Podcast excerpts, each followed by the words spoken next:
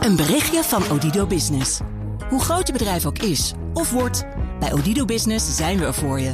Met unlimited data en bellen en met supersnel en stabiel zakelijk internet. Ook via glasvezel. Ontdek wat er allemaal kan op odido.nl/slash business. Het kan ook zo. Dit is een BNR-podcast. Wetenschap vandaag. Bij ons in de studio Tuur Verdonk van de Universiteit van Nederland... met het antwoord op de vraag waarvan je niet wist dat je hem had. Tuur, welke vraag heb jij meegenomen vandaag? Hoeveel paracetamol mag je per dag? Oh, nou, dat heb ik me wel eens afgevraagd uh, trouwens. um, ja, ik denk dat ik het weet uit mijn hoofd. Nou, Gewoon, uh, drie keer twee, dus zes. Ja, ja, zes. Zes inderdaad. Staat in de bijsluiter, dat moet. Um, niet omdat als je er meer neemt... dat je dan allemaal uh, nare bijwerkingen krijgt... zoals uh, jeuk in je nek of wat dan ook. Nee, het is potentieel dodelijk paracetamol, ons geliefde ja. huistuin- en keukenmedicijntje. Uh, ja, is heel gevaarlijk. Ik vind het een beetje heftig dat je dit niet zegt. Niet dat je jeuk krijgt of bijwerkingen. Nee, het is dodelijk. Dat vind ik best een stevige bijwerking. Het zal verschillen. Ja. Zeker, ja. Nou, in uh, Amerika en Australië houden ze hier cijfers van bij. Uh, per jaar gaan er honderden mensen sterven aan een paracetamolvergiftiging. We hebben voor Nederland hebben we daar niet zulke cijfers over. Maar het is ook hier een serieus probleem, vertelt onze toxicoloog Corine Bethlehem van het Erasmus Medisch Centrum Rotterdam. Een vergiftiging met paracetamol komt echt heel vaak voor. Uh, meerdere keren per week in ons ziekenhuis, maar in heel Nederland is het de meest voorkomende vergiftiging. Dan heb je het bijvoorbeeld over mensen met enorme kiespijn die in korte tijd heel veel paracetamol innemen. En dat is behoorlijk gevaarlijk. Ja, en het gekke is dus dat die mensen die dat hebben gedaan, die hebben helemaal geen heftige symptomen oh, nee? in de eerste plaats. Nee, met een beetje misselijk. Uh, gewoon je voelt je niet helemaal oké. Okay. Uh, als je dan toch mee naar de dokter gaat, omdat het misschien blijft, uh, dan gaan ze misschien bloed prikken. Uh, en natuurlijk wil Corine Bethlehem van het Erasmus MC ook graag weten hoeveel je dan precies genomen hebt. In principe vragen we natuurlijk ook wel altijd aan de patiënt hoeveel hij heeft ingenomen. maar dat is vaak helemaal niet betrouwbaar, want mensen kunnen dat zich helemaal niet goed herinneren. en wat ook natuurlijk kan zijn gebeurd, is dat iemand heeft gebraakt of iets dergelijks, waardoor er een deel weer uit de maag is gegaan en niet wordt opgenomen. Maar als, als de symptomen niet zo heftig zijn van zo'n vergiftiging, waarom is het dan toch zo gevaarlijk? Ja, het is een soort sluipmoordenaar. We spraken trouwens, Cordien, uh, in haar lab, daar dat allemaal uh, onderzoeksapparatuur ja. staat te zoomen. Uh, normaal gesproken thuis is het wel gewoon rustig hoor. Nee, de, je lever die breekt natuurlijk al je medicijnen af, ook paracetamol. maar dat breekt het niet gelijk af in hele onschuldige stofjes. Een soort tussenstofje ontstaat bij dat afbraakproces. dat heeft een mooie afkortingsnaam gekregen, dat stofje, namelijk NAPKI. En Corine Bethlehem weet wat dat betekent. Heeft hij ons uitgelegd. Het betekent, schrijft u even mee thuis, N-acetyl-P-benzoquinone imine.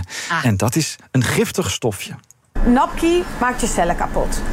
Primair gebeurt dat als eerste vaak in de lever. En dat is ook waarom, als je heel veel paracetamol hebt ingenomen, het lever heel snel uh, kapot gaat. Maar in je eigen lijf zit ook een soort antigif, uh, namelijk glutathion. En glutathion is een stof die NAPKI onschadelijk maakt. En dat betekent dat als je je normaal gewoon aan de dagdosering houdt, dat je geen enkele schade van paracetamol hoeft te verwachten. Maar als je heel veel paracetamol inneemt, dan raakt eigenlijk je glutathion voorraad raakt op. Dus je eigen antigif raakt op.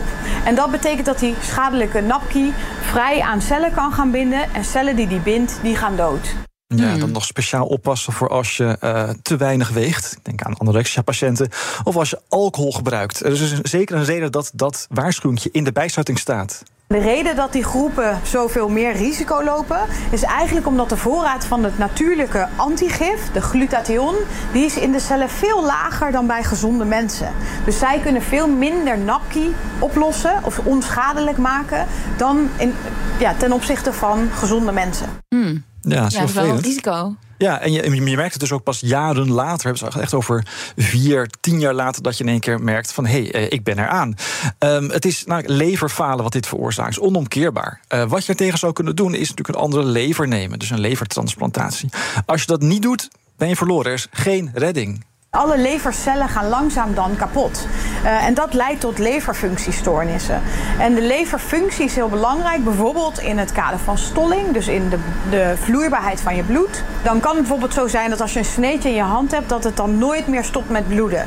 Nou, dat is een makkelijk voorbeeld, maar als je je voorstelt dat dat ook in je lichaam kan gebeuren, uh, dan kunnen natuurlijk op allerlei plekken hele grote bloedingen heel gevaarlijk worden. Nou, als dat in je hoofd bijvoorbeeld zo is, dan heb je een hersenbloeding.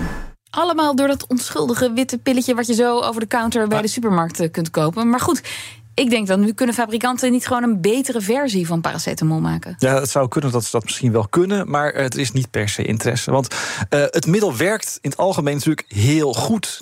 Als je een beetje aan de dosis houdt, dan uh, gaat het uh, eigenlijk best voor iedereen oké. Okay. En die paar ja. honderd mensen, ja, gaan ook een paar mensen per jaar dood in het verkeer. Dus er is geen interesse bij fabrikanten om hier echt iets aan mee te doen. Maar, maar Tuur, wacht heel even. Wat, je, je doet er net ook makkelijk om van ja, het is onomkeerbaar, geen redding, nieuwe lever. ik, ik denk dat ik wel eens een keer acht op een dag heb genomen of zo. Ben ik nu al uh, aan het sterven van binnen? Uh, nee, ik geloof het niet. Nee, het is uh, natuurlijk allemaal weer afhankelijk van lichaamsgewicht. Hè. Mensen die weinig wegen kunnen minder paracetamol dan mensen die heel veel wegen. En is niet zo corpulent. Nee, nee. maar bij kinderen bijvoorbeeld, hè, die mag je dan maar, weet ik veel, 2,5 geven of zo per dag. Ja, ja die krijgt ook, ook lagere doses ja. per, per pilletje. Nee, dat hangt echt af van je lichaamsgewicht. Dus die regel van 6 per dag, dat is een soort van gemiddelde. Ik zou zeker zeggen, als je zelf wat kleiner of dunner bent, nou, een, denk even na over, of misschien zes. Ook vijf. Maar het gaat dan dat je echt wel structureel telkens te veel hebt genomen, denk ik. Nou, het zou echt kunnen dat je echt op, op één dag die overdosis neemt. En daar merk je dan misschien alleen een beetje misselijkheid van.